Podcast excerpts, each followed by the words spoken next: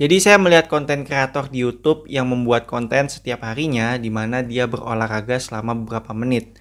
Dan saya jadi kepikirannya, bisa nggak ya kalau misalnya saya membuat konten di mana saya berolahraga tapi dalam bentuk audio?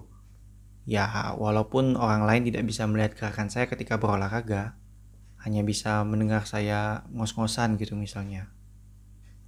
Apa saya coba sekarang aja ya? Beberapa menit kemudian, jadi ini saya lagi jogging ya. Tapi karena saya malas keluar rumah, jadi saya memutuskan untuk jogging di dalam rumah saja. Ya, mungkin kelihatannya aneh ya, jogging dalam rumah. Tapi tidak apa-apa. Yang penting saya berolahraga. Ini baru beberapa menit, tapi saya udah capek ya. Kaki saya aja udah pegel nih lari-lari terus. Ini efek saya jarang olahraga ya. Oh ya kalian harus berolahraga ya. Biar badan tetap sehat dan bugar. Beberapa menit kemudian. Capek banget.